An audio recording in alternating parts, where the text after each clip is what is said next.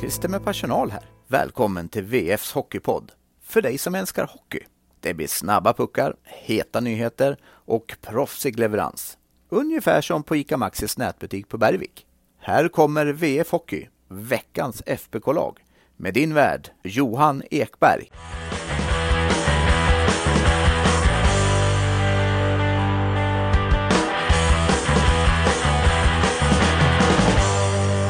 På önskelistan. Seger. Nolla. Stängd butik i boxplay och islossning i powerplay. Färjestad stod vid det där skyltfönstret och fick precis allt de önskade mot Oskarshamn efter en innan dess riktigt, riktigt motig vecka. Jag säger med det välkomna till VF Hockey, veckans FBK-lag. Och välkommen till dig, Karl-Oskar Lysander. Tackar.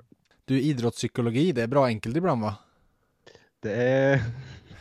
Ja, jag, jag, vet inte vad man ska säga, men, men eh, med förutsättningarna som Färjestad reste ner till Oskarshamn så får man väl säga att eh, en 5-0-seger kom högst oväntat. Ja, jag var inne på det, jag tror jag skrev på Twitter efter matchen att det är fascinerande just det här.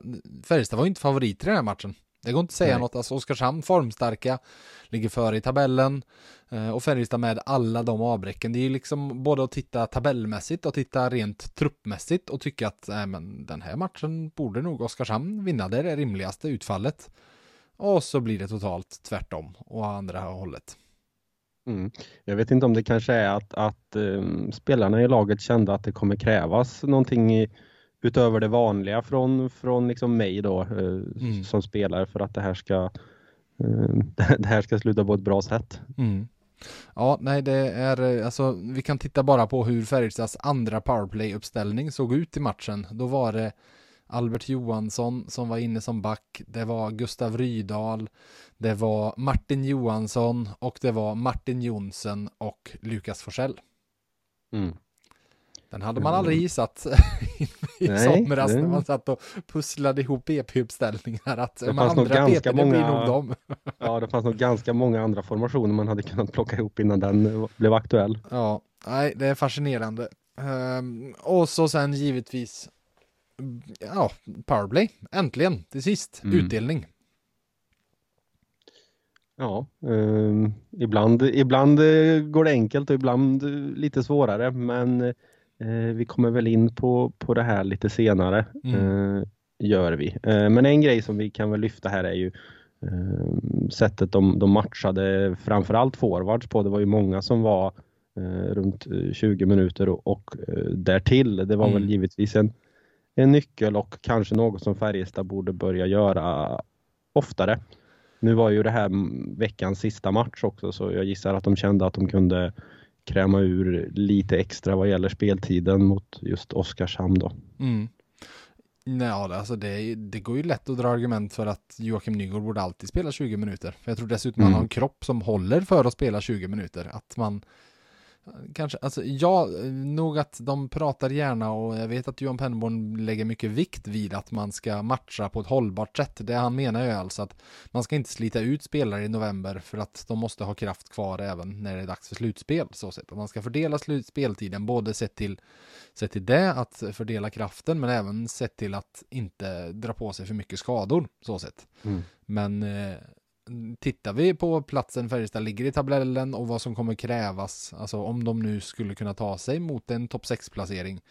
Det mm. krävs ett högt poängsnitt resten av serien för att göra det, för att Absolut. de har ju skapat sig en uppförsbacke. Så att det kanske inte finns de marginalerna längre. Man kanske måste ganska ofta faktiskt rulla på i princip tre kedjor, så ha en fjärde, mm. men att den, den ligger under 10 minuter snarare än på 13-14.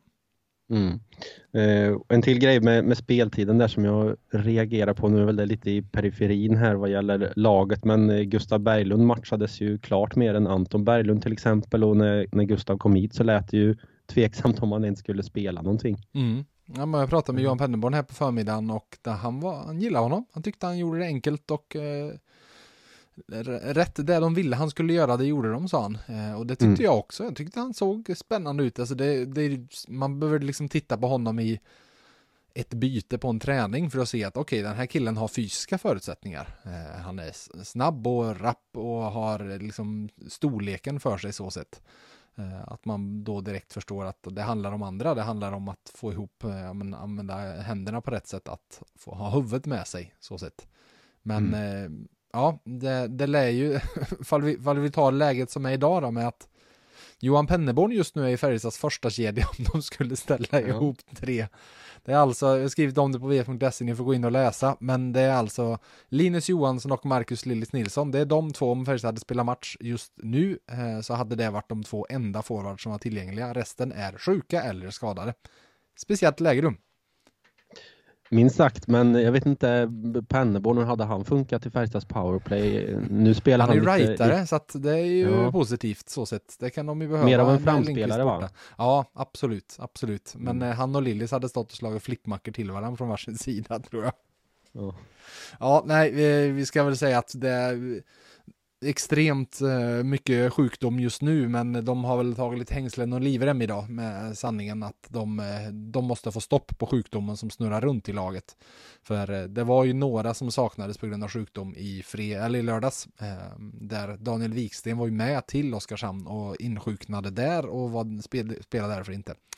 Det var därför Färjestad hade 11 forwards för övrigt eh, i, i spel, för att man redan hade åkt ner på fredagen. Men att ja, det, många av de här som nu är sjuka tror själva att de kommer att spela på torsdag. Så sett. Men eh, du, eh, fall vi tittar på, jag har varit inne på det lite i de utropstecken jag tagit ut de senaste veckorna, att det finns en del siffror som talar positivt för Färjestad. Mm. Det gör verkligen det fortfarande. Eh, för om vi, det var en ganska tydlig brytpunkt där i förra landslagsbreaket. Det var ju även då som Rickard Wallin kom in som, eh, som eh, sportslig direktör. Har väl kanske inte han satt eh, spelmodellen därefter, men det var ändå en tydlig brytpunkt att kolla siffrorna ifrån. Och, och tittar vi där från det uppehållet så har Färjestad varit det laget i SHL som sett till chanser framåt gentemot chanser bakåt har bäst fördelning. För man lägger ihop dem. Alltså i expected goals framåt, 2,29 sedan dess, det är högst av alla. Eh, 1,59 bakåt har man haft sedan dess. Eh, det är tredje bäst av alla, vilket gör att eh, skillnaden mellan de två, när man räknar ihop dem, gör att siffrorna blir bäst. De har gjort väldigt mycket mål, de har gjort mest mål också i SHL sedan dess. Så de har ju fått utdelning framåt. De har även släppt in ganska mycket bakåt, men det har blivit en del poäng, men hade powerplay och boxplay varit på plats under den här perioden när spelet i stort i 5 mot 5 har fungerat så pass bra tillsammans med ett målvaktsspel, då hade det blivit ännu, eh, ännu mer bättre poängutdelning. Tycker du man ser skillnad på dem nu mot innan?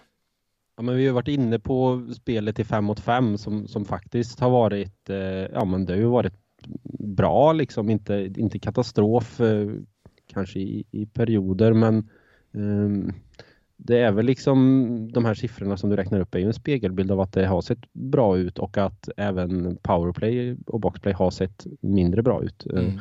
Men sen vet jag inte hur mycket, om man ska kalla det snuttefilt, blir de här siffrorna för att um, Penneborn har ju även, även tidigare i höst här varit inne på att det finns siffror som, som är positiva. Det går alltid att hitta liksom. siffror som är positiva. ja, precis. Mm. Och um, jag vet inte, tycker du att det här är ett tecken på att Färjestad kommer klättra och till och med landa något över sjätteplatsen? Jag skulle nog säga ett tecken på att de kanske kan klättra är att de gjorde två mål i powerplay. Mm. Det är nog ännu viktigare. Alltså mm. titta mm. på, på Lillis i matchen mot Oskarshamn. Det är, det är så fascinerande. Det var, det var ju som att någon hade hittat åka snabbt-knappen på honom igen. Mm. Efter de hade fått, och då, gjorde inte ens han målen i PP. Men det är klart att det där har legat som ett ok över honom. Att, eh, alltså så länge Färjestad inte gör mål i powerplay så kommer alla fundera på, men vad gör Lillis? Det var han som skulle mm. komma hem och lösa det där. Det funkar inte i fjol när han var här, eller inte var här. Nu måste det ju, nu ska det vara lugnt, nu ska han styra upp det där. Men eh, oh, han gjorde ju ett ja. Just han gjorde ju det andra. Ja. Fast det kanske inte var något vanligt powerplay-mål. Men... Nej, men eh, jag tyckte ändå att det var tecken på det här självförtroendet. Att han kom i den här höga farten mm. och, och sen, jag vill inte kalla det ett skott utan det känns mer som någon slags lyftning eh, ja. i, i, mål. Eh, det, Jäkla det snygg mottagning av pucken du. Ja, eh, där han kommer egentligen bakom honom men han på lite Sidney Crosby-stil nästan. Det går inte passa en dålig puck till Sidney Crosby, det nästan inte går till Lillis heller, utan han sparkar med den fram med skridskon. Ja. I den farten. Ja, exakt. Ja, det var mm. läckert. Eh, men jag gillade mycket med PV-spelet överhuvudtaget för att det var när de gjorde sitt första mål då, jag tror de hade haft fem eller sex avslut i det powerplay-spelet innan. Eh, mm. Och en liten, liten intressant detalj, det, det, var faktiskt Linus Johansson som var inne och teka i Färjestads första powerplay i första perioden. Sen när de fick det eh, numerära överläget i andra, när de väl då gjorde sitt första PP-mål sen Karlstads eh, trähus brann, eh, så, så känns det, eller då hade Linus precis varit inne i ett byte. Eh, långt mm. byte innan, så då blev det Jakob, jag gissar det var därför det var Jakob Delaros som kom in. Och så vann han mm. fem raka tekningar och det fungerade bra och sen blev han kvar där och var även på isen vid andra PP-målet. Så det är lite, några som har eh, skrikit lite efter Delaros i PP att han borde kunna få testa det när det har kört fast så att han skulle kunna stå framför mål. Mm. Så eh, ja, intressant att det är också en sån tillfällighetsdetalj som gör att det faktiskt blev så. Men de här siffrorna som du, du pratade om, de mm. måste ju ändå vara ett stort skäl till att det, det inte skett några förändringar på, på ledarsidan under den här hösten. Att, att man ändå ser att, att det finns väldigt mycket positiva saker och, och Rickard till exempel som eh, deklarerar tydligt vad, vad han tycker om de här siffrorna och mm. hur viktiga de är. Ja, alltså det, det är ju förtroendekapital för för Penneborn med den sportsliga ledning som nu finns, där det än så länge mm. är Rickard Wallin och Erik Wilderoth som eh, hockeyanalytiker där vid sidan. För att det här är ju saker som givetvis de trycker och tittar på och tycker är väldigt förtroendegivande sett till processen framåt. Eh, men sen blev jag lite konfunderad, ska jag säga, de här två matcherna som var, för att tittar vi på Leksand och Skellefteå matcherna totalt sett så offensivt så har jag inte så jättemycket att invända på i dem. Färjestad gör ganska mycket mål, gör mycket mål mot Leksand och skapade ganska mycket chanser mot Skellefteå. Det var ju en match som sett i två perioder så kunde den ha stått lite hur som helst. Sen så i sista så föll man igenom defensivt och man framförallt hade inte ett boxplay som på något sätt kunde hålla en kvar i matchen. Men eh, den, efter den matchen så var jag liksom lite ja, når han inte fram nu? För det är, där, det är där mycket av det landar för mig med Penneborn eh, i det här laget nu. Att, eh, ifall vi tar den där sista matchen innan uppehållet borta mot Örebro, när jag kände, när man såg så tydligt att, nej men nu spelar de ju för varann. Eh, nu är det som att nu har de nått fram, men sen så kände man de här matcherna i veckan där att har de tappat det nu igen? Behövdes det inte mer? Då kanske han faktiskt inte når fram. Men mm. så kom Oskarshamnsmatchen och så vidare och så vidare. Men ja, det, det, blir spännande att se var det tar vägen framåt eh, med de två matcher som återstår innan det väldigt, väldigt långa uppehållet som kommer här runt jul. Men mm. eh, innan vi går på det så ska vi gå på veckans FBK-lag och eh, du ska få börja med att plocka ut en målvakt i det här laget. Vem har vi där? Ja, ingen större konkurrens den här veckan. Dominik Furch tar plats i detta lag. Ehm, man trodde väl att Haukeland skulle vara etta eh, när vi gick in i den här veckan, eh, men det var Furch som stod mot Leksand. En sådär insats får man väl säga. Mm. Eh, sen fick Haukeland chansen mot Skellefteå. Det var väl ungefär likvärdigt med vad, vad Lika Furch illa. hade gjort. Ja, så kan vi väl säga. Mm. Men eh, nolla mot Oskarshamn, eh, säkert superviktigt för, för självförtroendet för man har nog kunnat se en del frustration hos, hos honom här tycker jag eh, mm. under, under hösten, under den tiden som han har varit här i, i varje fall. Och det, hur man ska fortsätta, nu får man nog eh, trots allt fortsätta med, med Furch och ge honom lite fler matcher på samma sätt som han har gjort. Eh, Ja, det ja, går fort så, i hockey på många sätt. Jag, jag, ja. satt i, jag satt efter Leksandsmatchen och förstod inte varför Furch hade fått stå när Haukeland hade varit så pass bra mot Timrå och sen blev bänkad i två raka matcher. Och sen kommer han in mot Skellefteå och visar absolut ingenting av att han faktiskt ska få stå. Så för mig nu, det ska till en riktig, riktig genomklappning av Dominik Furch på torsdag mot Brynäs för att han inte ska stå båda matcherna den här veckan. Mm. För att nu på något sätt, de måste bygga honom på något sätt nu. Ja, när, de måste bygga han... på den här nollan, ja. nollan nu liksom. Exakt. Vi hoppar framåt och tar en första back och eh, föga överraskande, gör man fem poäng på tre matcher då kommer man med i veckans lag. Joel Nyström. Visst, han har varit inne på en massa baklängesmål, det är sju stycken på hela veckan. Eh, men av dem, att ta till exempel Victor Ejdsells eh, tappade puck upp i Leksand när Nyström var på väg att byta. Det är inte direkt så att han kan lastas för det målet. Eller ta när Mattias Göransson, det Oskar Lang-målet, när han eh, pinchar fram och tappar balansen och faller och Lang kommer fri. Svårt att lasta Joel Nyström för det målet också till mm. exempel. Så nej, eh, fem poäng för, på tre matcher, då är det klart att han, att han ska ta plats här. Jag skulle säga att han har varit, han har varit Färjestads bästa back i höst totalt sett. Håller du med mig mm. om det?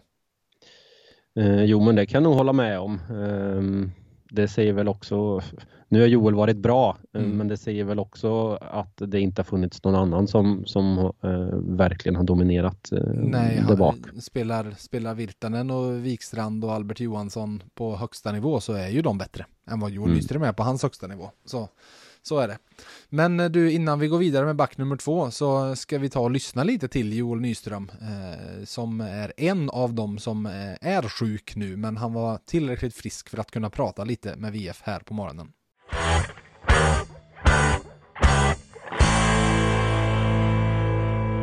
Joel Nyström som leder hela juniorernas poängliga i SHL efter halva säsongen. Hur förvånad är du? Eh, nej men det, det är, så, det är såklart kul, och, kul att göra det här men det är väl eh, det är väl ingenting jag har tänkt på eller tänker på något mer nu när jag gör det kanske heller och det har väl varit lite eh, haft några turpoäng kanske den här, framförallt den här veckan med någon puck som studsar på någon på någon benskydd och så det blir mål och, och sådana grejer så det är klart det är kul men det, det är inget jag lägger någon större vikt i. Nej, men som sagt, fem poäng på de eh, tre senaste matcherna. Du hade tre assist mot Oskarshamn. Vilken av de tre är du mest nöjd med? Väl ingen som var direkt något supersnygg kanske men eh, jag säger första målet till, eh, till Nygård där då, eftersom det var ett, ett viktigt mål för oss att få in innan eh, periodpausen där så det är väl det jag tycker var viktigast kanske. Mm. Ni vinner matchen med 5-0 och det känns som att ni bockar av precis alla grejer. Ni ville gärna klämma in med hålla nollan och allting efter och släppt in 11 på två matcher där innan. Va, hur, hur viktig och skön var segern för er? Ja men eh, jätte, jätteviktiga poäng och, och sättet som gör det på tycker jag. Vi kom ut med en med väldigt bra inställning och, och ja men eh, som du säger håller nollan, vi, vi är mål i powerplay, vi håller nollan i boxplay och, och spelar ett bra försvarsspel hela matchen och bra med pucken tycker jag också. Så ja, som jag sa, vi kommer ut med en bra inställning och, och ja, men gör det bra genom hela matchen tycker jag. Så jag tror det var en jätteviktig vinst för, för hela laget. Det känns som att ni på något sätt, ni, ni hade ju sju spelare borta och eh, rätta mig om jag har fel, men nästan känslan av att ni gick in som underdogs i matchen med den känslan kunde slå lite ur underläge faktiskt. Eh, jo, men med, vi hade många spelare borta hade vi och, och, och sådär och sen så de eh, spelare som kommer upp från J20 med Sigge, Forsell och, och Jonsen där tycker jag gör det jäkligt bra också. Och, mm. så, och steppar upp liksom när vi har spelare borta så ja, all cred till dem också. Mm. Jag sa att det var många saker ni bockade av i den där matchen och vi kan väl börja med boxplay där ni har eh, släppt in för mycket mål. Det är svårt att säga annat under hösten men nu höll tätt i sex raka. Var det tillfälligheter eller frukten av att ni har jobbat väldigt, väldigt mycket med det? Nej men vi har jobbat väldigt, väldigt mycket med det. Det har varit eh, videogenomgångar och, och, och slipa på mycket detaljer som vi måste förbättra för det, som du säger så har det inte varit tillräckligt bra. Eh, och om man ska ta sig långt i, i, i ett slutspel då måste man ha ett fungerande boxplay och powerplay. Mm. Eh, så ja, det har varit hårt jobb men eh, ja, skönt att kunna hålla nollan i, i boxplay. Mm. Och i andra änden så, så slapp ni nollan om man säger så. Att ni, ni fick göra mål i powerplay äntligen. Hur, var det stenar som lättade från hjärtan? Ja, men det, det tror jag nog och det är samma där. Vi har, vi har jobbat på det med det väldigt hårt och, mm. det har varit videogenomgångar samma som med boxplay där och, och jag tycker vi, vi tar, vi tar mycket avslut gör vi mot Oskarshamn och det är väl inte kanske de klassiska powerplay-målen med kanske något pass och direktskott utan det är, det är någon studs och, som, eh, och sen någon retur som går in och ja, sådär men jag tycker vi spelar enkelt och vi spelar bra med ett eh, bra pucktempo och sådär så, och då kommer målen till slut och, och det är bara att bygga vidare på det nu. Mm. Ja men det, det kändes som att ni tog, alltså vad vi ser innan första PP-målet där, det, jag tror det var sjätte skottet eller någonting ni tog i det powerplay-tillfället när ni väl gjorde mål. Var det något ni hade pratat om, just att ta mycket avslut? Ja, jo men så är det. Det blir väl lite kanske att när vi, när vi har haft en ganska tung trend i powerplay att man vill kanske hitta någon avgörande passning till något öppet mål och, och det är mm. inte så ofta det funkar så vi, vi sa väl att vi ska bara bra, bra pucktempo, spela enkelt och få mycket puckar på mål och, och ja, det funkar ju mot Oskarshamn gjorde det. Mm. Du, ni var sju spelare borta då. Jag pratade med Johan Penneborn här nu på måndag förmiddagen och det är rejält manfall på träningen. Jag tror de är nio, nio spelare på träningen och du är väl en av dem som, som är hemma och lite krasslig. Hur, hur är sjukdomsläget hos er? Eh, nej, jag, jag, vet inte hur det är med de andra men eh, själv är jag bara lite förkyld så mm. med mig är det, är det ingen fara direkt. Du hoppas på spel på torsdag? Ja, det är jag. Mm. På tal om veckan som kommer, JVM-truppen tas ut på onsdag eh, vid lunchtid. Hur, eh, hur förhoppningsfull är du? Eh, nej men det hade varit jättekul att få, få spela det. Det är någonting man har suttit upp och kollat på mm. på nyår och, och så här och så det är såklart det hade varit jättekul att få spela det men samtidigt så vet man att det är väldigt många bra backar som man konkurrerar mot. Mm. Eh, så men ja, jag har försökt att spela så, så bra jag kan här under under första halvan av säsongen och, och så vi får se vart det leder men ja, det hade varit jättekul att få spela i alla fall. Mm. Du, sista frågan. Veckans FBK-lag där vi tar ut varje vecka. Du får givetvis en av backplatserna den här veckan. Om du skulle välja någon eller några som du tycker har varit bra sett i de tre senaste matcherna, Leksand, Skellefteå och Oskarshamn. Vem eller vilka väljer du då? Uh, ja men uh, Nygård mm. tycker jag. Han är, ja, han är bra varje match för oss. Uh, men han har väl gjort en del mål den här veckan tror jag och, och sådär och, och ja men använder verkligen det han är bra på hela tiden. Mm. Eh, ja, så det är väl Nygård då framförallt skulle jag säga.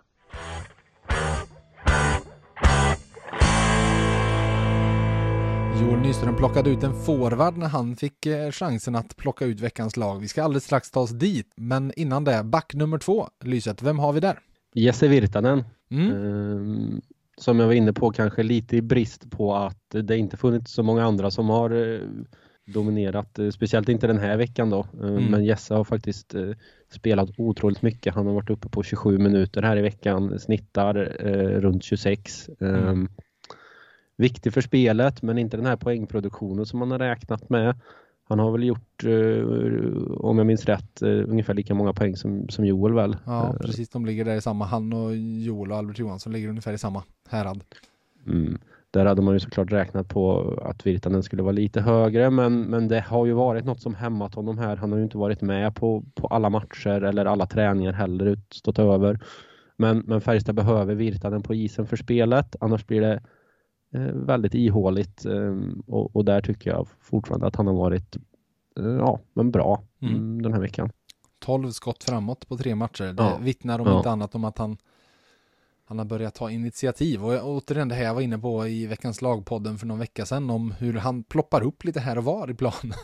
Eh, ja. Det här tycker jag man har sett mer och mer av även den här veckan och som sagt, det är som, precis som jag sa då, det är då Jesse Virtanen är som bäst när han, när han gör mm. det.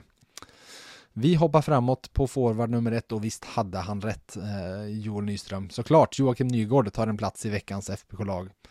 Inne på sju mål framåt de senaste tre matcherna inget bakåt i spel 5 mot 5. Han har varit inne på ett boxplaymål, men det får väl vara. Eh, del i den kedja med Gustav Rydahl och Lukas Forsell som jag skulle säga var den enda som även klarade sig undan från Skellefteå-förlusten med godkänt. Där drev de. Eh, och jag skrev i eh, när jag satte tre nycklar efter Leksandsmatchen där eh, så sett så skrev jag sett eh, lasta in lite pengar på att Joakim Nygård kommer göra mål igen på torsdag mot Skellefteå när han hade gjort två mot Leksand för att det är ju så målen kommer från honom. De kommer i sjok. Jag missade med två dagar för nog kom det allt två mål sen mot Oskarshamn också. Där jag tycker han var riktigt, riktigt bra. Eh, så Nygård tar en plats i veckans lag som forward nummer ett. Vem har vi som nummer två? Gustav Rydahl veckans poängkung tillsammans med, med Nyström. Men Rydahl har någon, något mer mål där så han får väl eh, vinna eh, veckans poängliga då får vi väl säga. Mm. Eh, fått spela mycket, snittar över 20 minuter. Och som vi var inne på i början här, det är just i den här matchen då hade man kanske inte så mycket val men, men en klar förändring där är ju Färjestad väljer att matcha sina bästa spelare.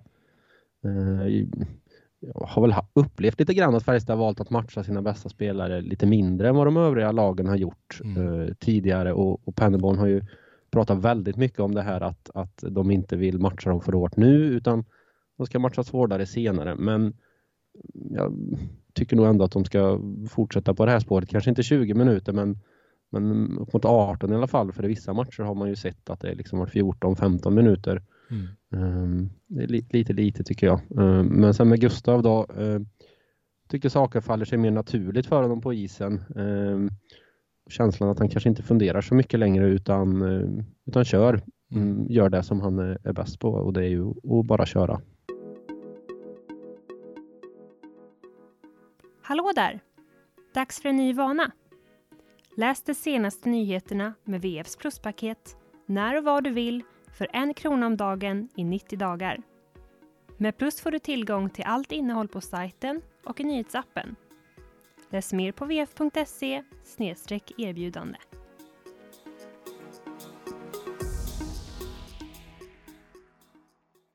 Forward nummer tre, eh, här var det inte helt lätt. Jag satt och brottades en del med vem jag skulle plocka ut för att det var Nygård och Rydahl var, kändes ganska givna, eller hur? Så sett, att de skulle vara med. Eh, mm. Men eh, på forward nummer tre, det går ju liksom Man kan argumentera för vissa som var bra i den matchen eller den matchen, men det är som sagt Skellefteå-matchen var full föll väldigt, väldigt många igenom eh, så sett. Så mitt val till sist föll på en som för första gången tar plats i veckans FBK-lag under den här eh, hösten, vilket är Martin Johansson. Eh, målskytt mot Leksand och visst, han var ganska anonym mot Skellefteå, men jag tyckte inte han man kanske inte har samma krav på honom heller. Eh, sen tyckte jag han var riktigt nyttig mot Oskarshamn och då till det jag tänkte vi skulle lyfta upp. Eh, för då var han ytterforward i brist mm. på ytterforward. Jag tycker det är där han borde användas. Vad säger du? Jag håller med. Uh, absolut. Han har väl fått en, en fjärde centerroll delvis för att jag tror att det är en roll sett till istid som han uh, ändå accepterar om han ska vara en del av det här laget. Mm. Uh, men det är ju som, som ytterforward som han är bäst. det tycker jag. Vi kunde ju berätta här förra veckan om Peppe Lund som mycket, mycket väl kan vara på väg hem till, eh, till Sverige igen. Ehm, och eh, ja, vi får väl se. Eh, Rickard Wallin var positiv i sina kommentarer kring Peppe som spelare och människa utan att för den sortens skull, eller den sakens skull säga vi kommer värva honom. Men det, det, går väldigt dåligt för honom i Tyskland. Han hade gjort, mm. jag, nu har jag inte kollat efter helgen, men han hade en assist på 18 matcher och har du mm. gjort det som import, då vet man att klubben garanterat är intresserad av att bryta. Eh, ja. Och Peppe har, eh, har en värmländsk sambo, fru, jag vet inte vad det är, eh, men i alla fall familjen med barn bor hemma i Karlstad. Mm. Så jag undrar, ja, det har dragits kopplingar till att Djurgården skulle vara den givna platsen om han skulle vända hem, att det skulle vara där och i krisläge. Men dels hur roligt det är att komma till Djurgården i läget som det är nu. Visst, han har ett Djurgårds hjärta, men mm, det finns ganska mycket på att förlora och gå dit. Det mm. kan bli ganska jobbigt och dessutom så skulle han ju likväl i så fall få pendla en massa eh, ja. till Stockholm och sitta och ha familjen fortsatt eh, i Karlstad för att förstått att det är barn som går i skolan och så, så att då, då är man ju liksom knuten till den platsen man är på hade tyckt det varit bra spännande att faktiskt få in eh, honom och kunna ge honom rollen som fjärde center mm. snarare och låta Martin Johansson gå som ytterforward för att skapa lite mm. mer konkurrens där. Alternativt om man blandar om på något sätt när alla är tillgängliga, om de nu någonsin blir det. Eh, att Victor Ejdsell på något sätt spelar som center. Eh, men ja, vi får se. Någonting att hålla utkik på i alla fall framöver. Eh, utropstecken, vad har vi där att eh, lyfta fram lyset? Ja, vi får väl ta powerplay såklart. Ehm, eh, två mål och som vi var inne på här så fick ju eh, Marcus Nilsson ett välbehövligt mål ehm, som vi pratade om. Mm. Samtidigt så, så eh, krävs det ju att man, man fortsätter på det här i veckan och, och gärna nytt powerplay-mål mot, mot Brynäs för annars är ju de här målen eh, ganska lite värda mm. om, om det blir en ny svacka här liksom. Uh, Men eh, vi får väl se det som ett utropstecken eh, efter den här veckan och svackan i powerplay som varit. Vad hade du gjort på torsdag? Säg att Daniel Wiksten är tillgänglig igen. Säg att några, alltså några av de här som nu inte spelade och brukar spela PP är tillgängliga igen. Hade du satt ihop en andra PP-formation med dem och låtit de här fem som faktiskt nu gjorde två mål hållas ihop? Eller hade du försökt att bygga ihop den ja, kvalitativt bästa formationen? Det här var ju en förändring som man liksom tvingades till. Jag vet inte hur mycket man hade funderat på att sätta ihop de här på riktigt. Um, men, men eh, jag tycker att de ska få fortsätta. Eh, det finns väl inget att förlora i det. Man har ju vridit och vänt på ganska många stenar innan. Mm. Så, så ge dem en chans och, och så får vi se hur det ser ut. Och om det var liksom en, en slump att, att det blev som det blev eller, eller om det finns någon kemi där, det, det tycker jag att man kan ta reda på. Mm. Frågetecken. Då ska du få fyra namn här. Eh, Oskar Alsenfelt i Malmö, David Rautio i eh, Linköping, Niklas Svedberg i Djurgården och Viktor Andrén i Brynäs. Jag vet inte om han nu är kvar eller om han har lämnat, men i alla fall det han har gjort i Brynäs. Det är de enda målvakterna i SHL som har sämre räddningsprocent än Dominik Furch och Henrik Haukeland. Um, mm.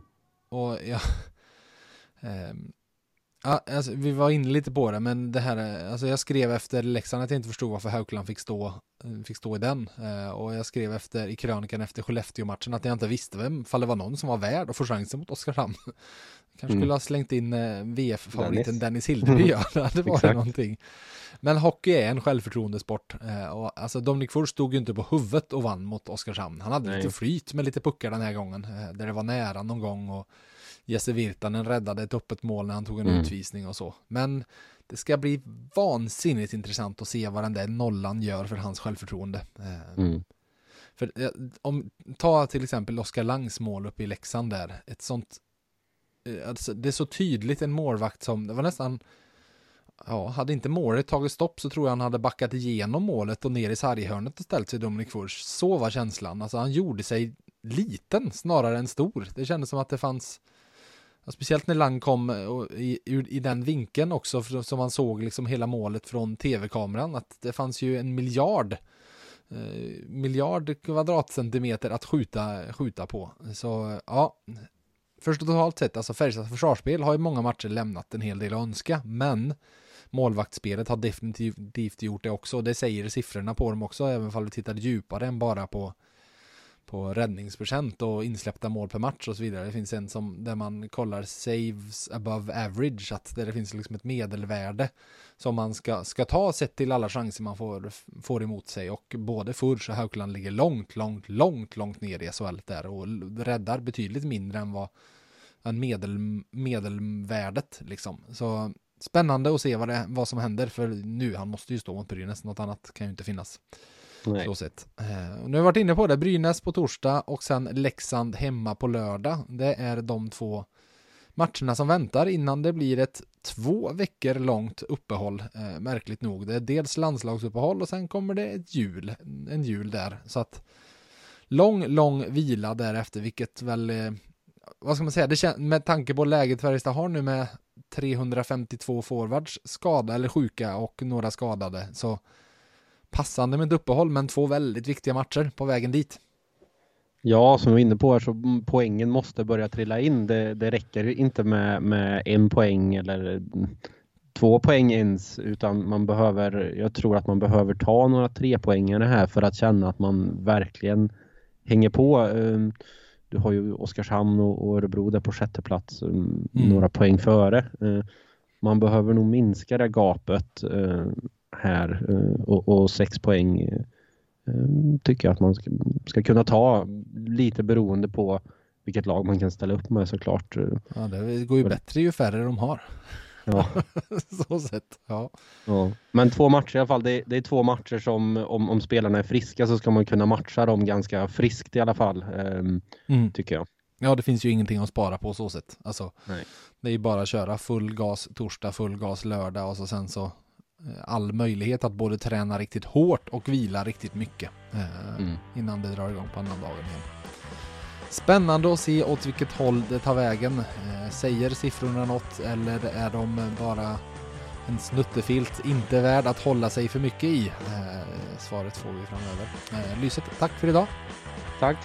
Och er lyssnare, VF Hockey återkommer här, eh, men tills dess får ni ha det så gött.